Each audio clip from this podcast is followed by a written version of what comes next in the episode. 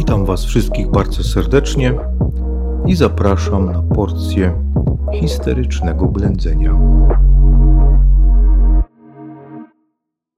Jak doszło do tego, że bardzo sprawnie budowane i zarządzane państwo przez dwóch pierwszych piastów nie tylko wpadło w kryzys, ale w zasadzie przestało istnieć.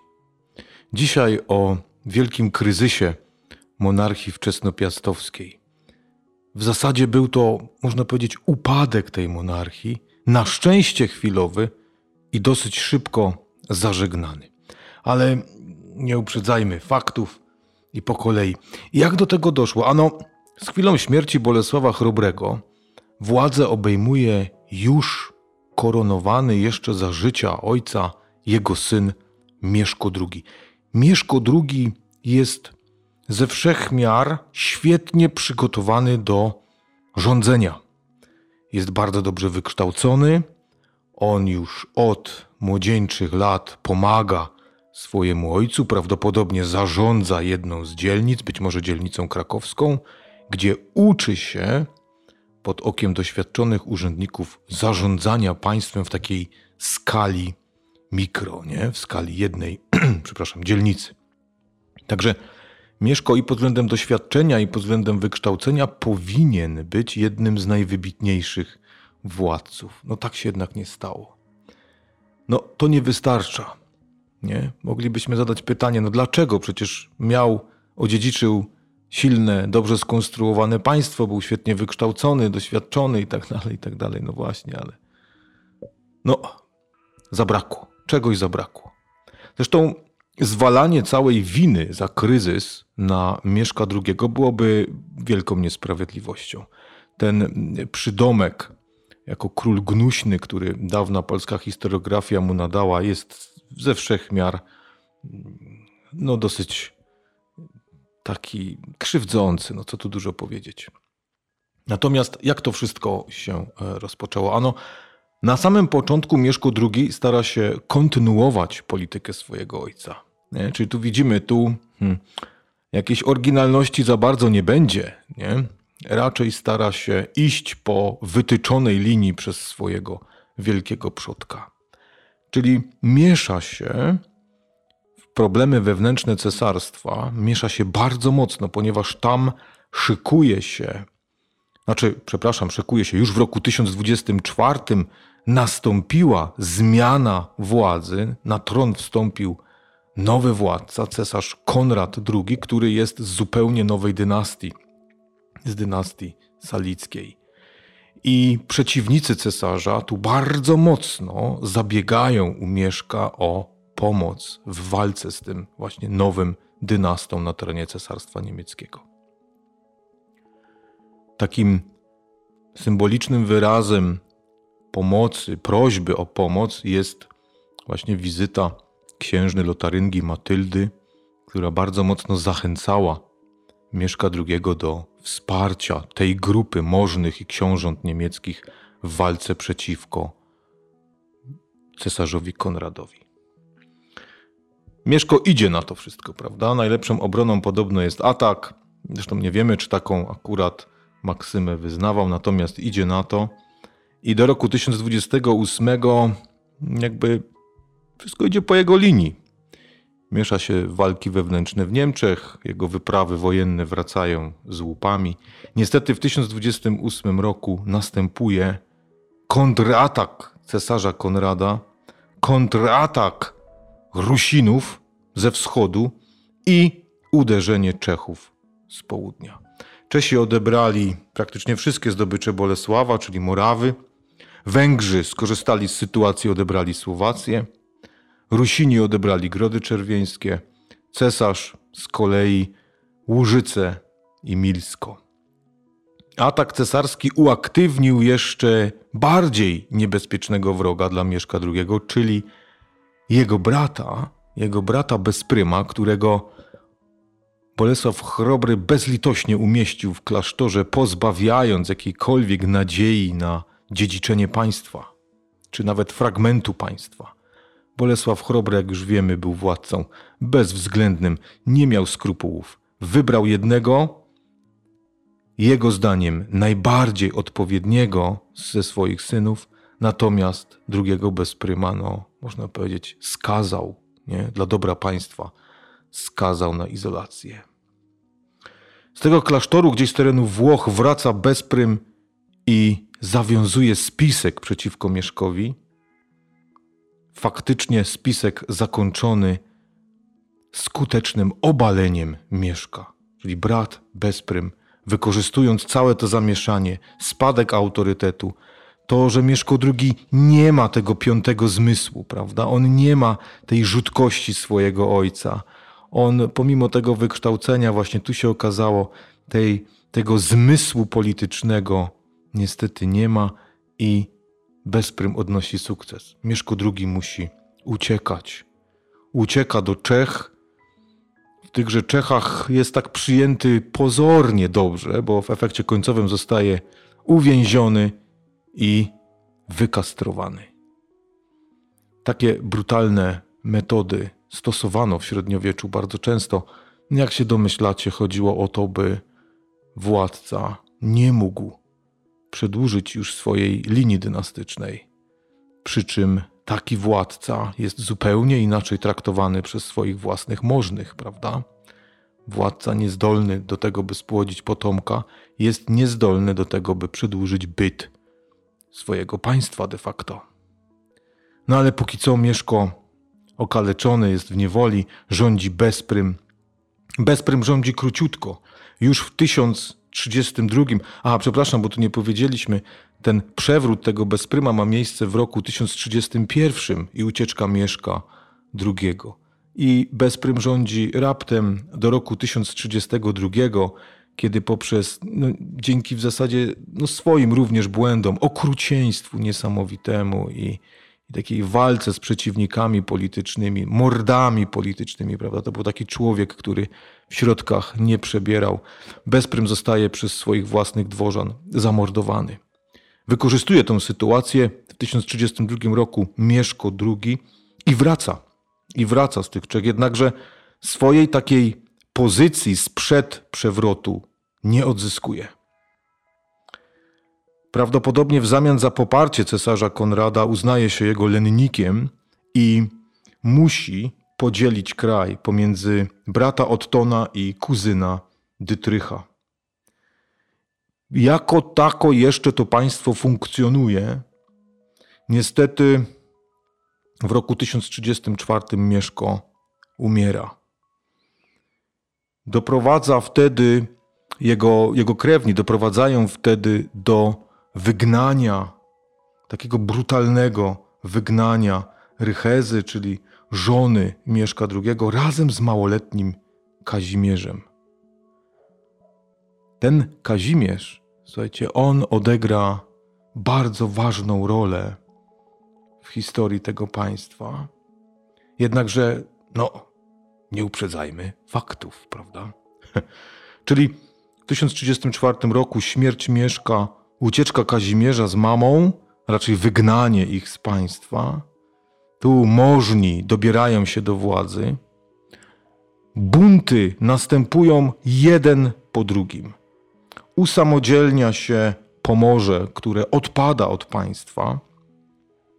Rychło na terenach Wielkopolski, na terenach Kujaw następuje wielki bunt ludności, ludności wolnej, ludności chłopskiej przeciwko państwowości piastowskiej, przeciwko obciążeniom finansowym, przeciwko nadmiernym daninom, które na rzecz państwa i kościoła ta ludność musi płacić.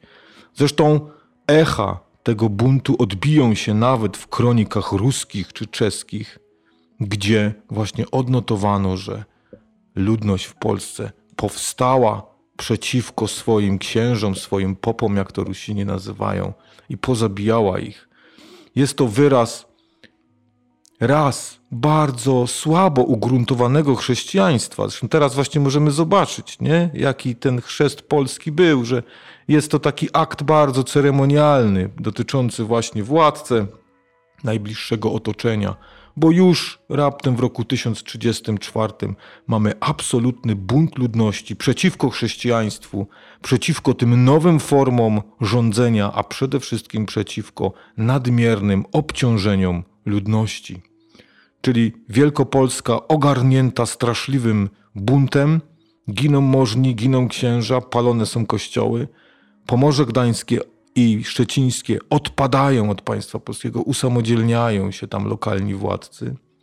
Na terenie Mazowsza e, również władzę obejmuje były urzędnik Mieszka II, Masław albo Miecław, tworzy tam zręby swojego własnego państwa.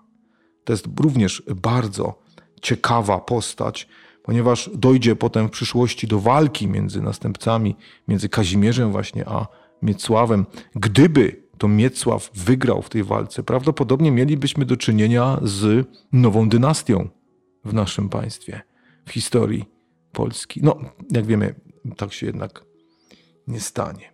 Słuchajcie, ten bunt to jeszcze nie wszystko. W roku 1038 do 1039 spada niczym bicz Boży na Polskę najazd Czechów książę Brzetysław, wykorzystując sytuację, dopełnia pogromu tego państwa, rusza ze swoimi drużynami wprost do serca, wprost na Gniezno, łupi straszliwie po drodze wszystko, co wpada w jego ręce. W zasadzie Wielkopolska już nigdy mm, nie osiągnie takiej pozycji w historii, jak właśnie sprzed najazdu Brzetysława. Wracając, książę Brzetysław osadzi załogi na Śląsku i z powrotem przyłączy Śląsk do Czech. Czyli w zasadzie poza Krakowem, gdzie cudem przetrwa biskupstwo, właśnie biskupstwo krakowskie, poza tym ośrodkiem władzy, w zasadzie wszędzie mamy do czynienia z rozlatującą się organizacją państwową, z buntami, czy to ludności, czy jakichś możnych, którzy dążą do tworzenia własnych zrębów państwowości. No niestety, sytuacja, można powiedzieć, tragiczna. Państwo w zasadzie w tym momencie przestaje istnieć, ale zgodnie z prawem średniowiecznym, zgodnie z prawem monarchii feudalnej, państwo istnieje, kiedy istnieje władca, prawda? A władca Władca istnieje, prawowity władca istnieje. Syn Mieszka II i Rychezy, Kazimierz. No jednakże powiemy, no i co z tego, że istnieje? Przecież ten chłopak nie będzie w stanie w żaden możliwy sposób doprowadzić do uspokojenia sytuacji, która ma miejsce na terenie państwa. Jak to zrobić? Otóż z pomocą przychodzi cesarz niemiecki kolejny już cesarz, Henryk III, troszeczkę obawia się wzrostu potęgi Czech. On tutaj hmm, jakoś nie przepada może bardzo mocno za tym państwem wczesnopiastowskim, ale absolutnie nie chce dopuścić do jego likwidacji. Powstanie próżnia polityczna, nie wiadomo kto ją zapełni, nie wiadomo jaki, jaka układanka będzie do, do jakiej układanki tutaj politycznej dojdzie, kiedy państwo Piastów przestanie istnieć, ze wszechmiar stwierdza, że korzystniej będzie pomóc Kazimierzowi odbudować państwo. Oczywiście nie za darmo, prawda?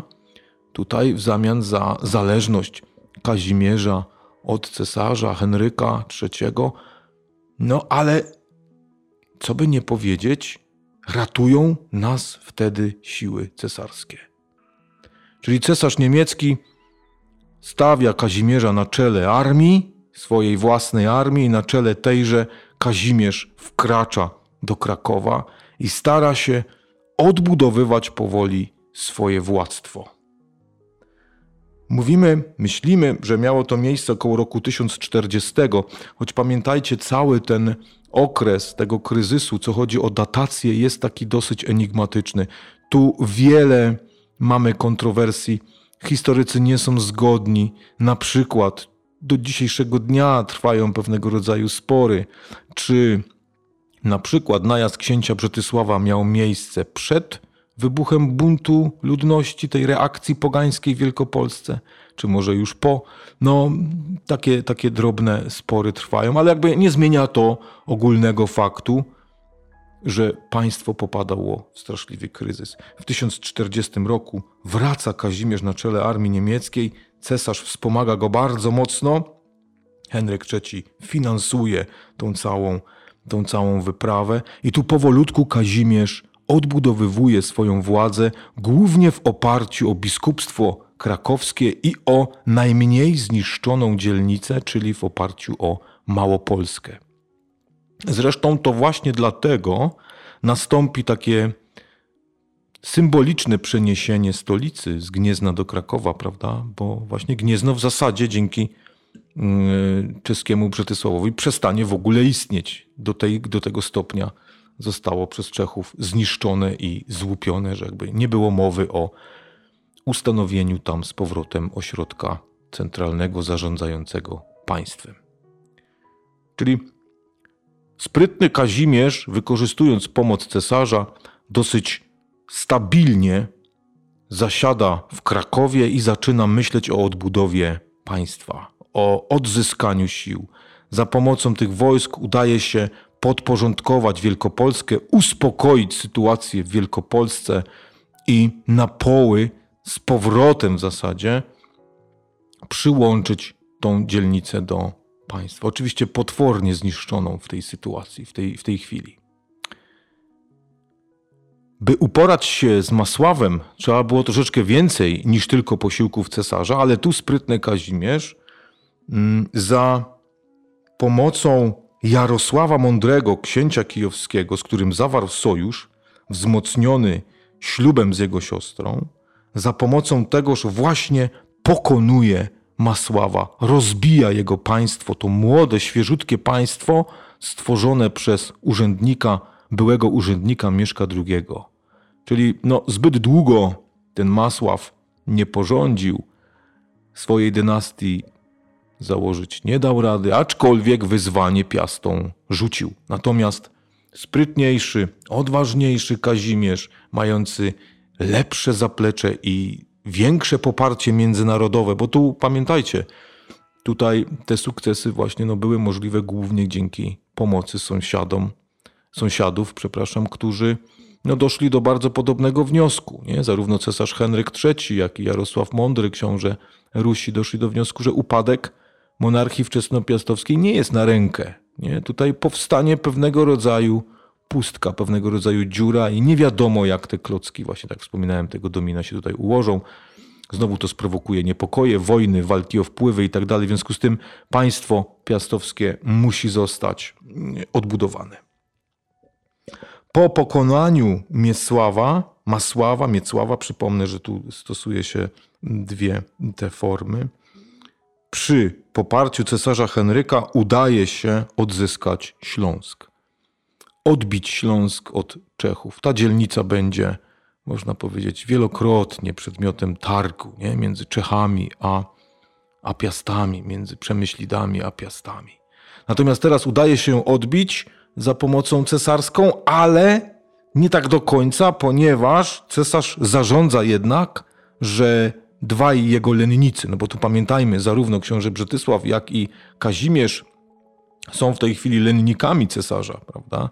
Między nimi dochodzi do konfliktu, do sporu. W tym sporze cesarz bardziej wspiera Kazimierza, widzi zwycięstwo tutaj lepiej tej strony, ale jednak nie może dopuścić do takiego całkowitego poskromienia, no bo przecież jest ich seniorem obu, w związku z tym jest ich sędzią, jest obowiązany opiekować się jednym i drugim. Wobec tego zadowolony, że Czechy utraciły Śląsk, na otarcie łez zarządza, że co roku Kazimierz ma płacić trybut Czechom z terenu Śląska. Czyli takie polubowne rozwiązanie. Zresztą Kazimierz bardzo szybko ten trybut przestanie później płacić. Czesi będą oczywiście protestować na tak jawne złamanie umowy i, i, i, prawa cesarskiego, ale no, takie to były czasy, prawda? Takie to były czasy, że ci władcy siłą przymuszani do pewnych rzeczy zgadzali się, robili pewne rzeczy. Natomiast gdy tylko czuli troszeczkę wolności nad sobą, od razu przestawali mm, tej, tej zależności hołdować i po prostu robili swoje. Czyli udaje się Kazimierzowi państwo odbudować. Uratował państwo. Ten młodziutki syn Mieszka II. Zresztą dzięki temu historia obdarzy go przydomkiem odnowiciel. Cały czas, pamiętajcie, mówimy o Kazimierzu Odnowicielu. Odbudowane państwo nie jest już tak okazałe jak wcześniej państwo Bolesława Chrobrego. Te grody są mniejsze, jest ich mniej. Nie ma dostępu do morza. Nie wszystkie dzielnice udało się na poły przyłączyć. O odzyskaniu zdobyczy Bolesława Chrobrego w ogóle nie ma mowy, prawda? Łużyce i Milsko odpadły na trwałe. Zresztą nigdy nie były jakoś trwałą częścią państwa polskiego. Grody czerwieńskie również Rusini odebrali. Morawy, Słowacja również zostaje stracona, ale to też, no bądźmy szczerzy, no, no, no to, to panowanie Bolesława Chrobrego też na tych terenach jest dosyć mocno iluzoryczne, prawda? Tu raczej powinien nas obchodzić pewien rdzeń państwa. W związku z tym państwo jest dużo, dużo mniejsze, dużo słabsze, dużo biedniejsze, osłabione, makabrycznie osłabione tym, co się stało, całym tym kryzysem, ale odbudowane, ale funkcjonuje. Serducho tego państwa znowu zaczyna bić. Nie jest to do końca już takie same państwo, jak ta monarchia dwóch pierwszych piastów. E, piastów. Pewne zmiany są już widoczne. Na przykład zanika drużyna książęca, czyli ta podstawowa siła wojskowa, która utrzymuje u władzy księcia, za pomocą której książę, król utrzymują się przy władzy. Ta drużyna jest zbyt droga. Nie stać teraz Kazimierza na utrzymanie tak licznej drużyny, nawet małej drużyny. To nam też daje obraz zniszczeń państwa. Trzeba oszczędzać na wszystkim. Wobec tego przyjmują się w Polsce wzorce właśnie Europy Zachodniej, takie typowo wzorce feudalne, że w zamian za rozdawanie ziemi będą rycerze czy możni służyć wojskowo, ale sami za dochody uzyskane z tej ziemi będą pokrywać sobie koszta związane z uzbrojeniem, koniem, zaopatrzeniem itd. Tak itd. Tak Czyli w ten sposób dwór Kazimierza odciąża się od tych wydatków wojskowych, które są największymi wydatkami w ogóle wszystkich dworów średniowiecza. Odbudowuje się powoli również organizacja kościelna, niestety bez metropolii gnieźnieńskiej. No jest to zrozumiałe, ponieważ no potwornie zniszczone Gniezno no zostaje, przestaje nam istnieć. Tu y, pozwólcie, że przypomnę, no właśnie zdobyte, y, zdobyty gród nie tylko zostaje zniszczony, ale książę Brzetysław uprowadza większość ocalałych z oblężenia do Czech. Nie? Tutaj będą pełnić rolę jakichś osadników albo zostaną gdzieś sprzedani w niewolę. Czyli Gniezno tak de facto przestało istnieć, tutaj te katedry przestały istnieć. Relikwie świętego Wojciecha zostały, zostały wywiezione przez Czechów, prawda? Kościoły obrabowane i tak dalej, i tak. Czyli y, odbudowa metropolii gnieźnieńskiej póki co nie wchodzi w grę, ponieważ no, nie ma na czym tej metropolii zbudować. W zasadzie trzeba by było znowu rozpocząć od nowa chrystianizację państwa. No bo tu pamiętajcie, to co wspominaliśmy wcześniej, ta chrystianizacja jest bardzo iluzoryczna. Ten chrzest polski, pamiętajcie, ta data 966, traktujcie to jako pewien symbol i nic więcej. Tam kilkadziesiąt, może kilkaset osób zostało ochrzczone, reszta przez, dalej przez pokolenia żyje Mm, w swoich starych obrządkach religijnych. Natomiast teraz Kazimierz postanawia, postanawia troszeczkę takiej mrówczej pracy w, tej, w tą stronę wykonać. On to rozumie, że to nie może tak wyglądać, prawda? Że to tylko ci możni władca są chrześcijanami, reszta dalej żyje w pogaństwie. No bo, no bo no właśnie, do, do, do czego to doprowadzi? W związku z tym ściąga benedyktynów. Pojawiają się na terenie państwa piastowskiego ci bardzo pracowici zakonnicy, ściąga benedyktynów pod Kraków do Tyńca gdzie są do dzisiejszego dnia i klasztor istnieje do dzisiejszego dnia, jak i do Mogilna pod Gnieznem. I tutaj stawia zadania tym benedyktynom właśnie, żeby na ich barkach teraz oprzeć taką chrystianizację państwa. Ale tu pamiętajcie, że do czasów późnego rozbicia dzielnicowego jeszcze cały czas będzie obecny kult pogański na terenie państwa piastowskiego, czyli ta chrystianizacja to jest proces bardzo, bardzo powolny i długotrwały. Kazimierz Odnowiciel, świadomy słabości, własnej słabości, własnej również zależności, szczególnie od cesarza Henryka, nie stara się nawet o odzyskanie korony królewskiej. Co z tą koroną się stało? Ano, podczas kiedy Bezprym obali swojego brata Mieszka II, który był przecież królem, prawda, odeśle insygnia koronacyjne do cesarza. Był to taki znak, taki symbol poddania się władzy cesarskiej. Tu nawet być może takie wnioski możemy sobie wysnuć, że ten bezprym, no, możliwe i że przez tego cesarza był trochę inspirowany, prawda? No, atakując wroga, czyli cesarz przygotowując atak na państwo Mieszka II, być może chciał zadać taki cios od wewnątrz, by łatwiej pokonać swojego rywala, nie? I wyciągnął z tego włoskiego klasztoru bez pryma gdzieś go tam wysłał. No tak do końca nie wiemy, czy oni współpracowali, czy też nie, czy właśnie Bezprym raczej wykorzystał sytuację osłabienia władzy swojego brata. Bynajmniej korona królewska, insygnia władzy zostały odesłane do cesarza i był to taki znak poddania się woli cesarza, cesarza prawda? I takiej zależności od niego. Czyli stosunkowo szybko państwo piastowskie staje się znowu zależnym państwem lennym od cesarza mm, niemieckiego. I tutaj Kazimierz, odnowiciel, świadomy tego, że mierzmy siły na zamiary, postanawia nie chcieć za wiele. Zresztą wie, że państwo jest zbyt słabe, aby tą koronę próbować odzyskać. Tutaj potrzeba znowu lat mrówczej pracy, by wzmocnić państwo. Bynajmniej w całej okazałości Kazimierz zasługuje na swój przydomek, jaki w historii otrzymał właśnie odnowiciela.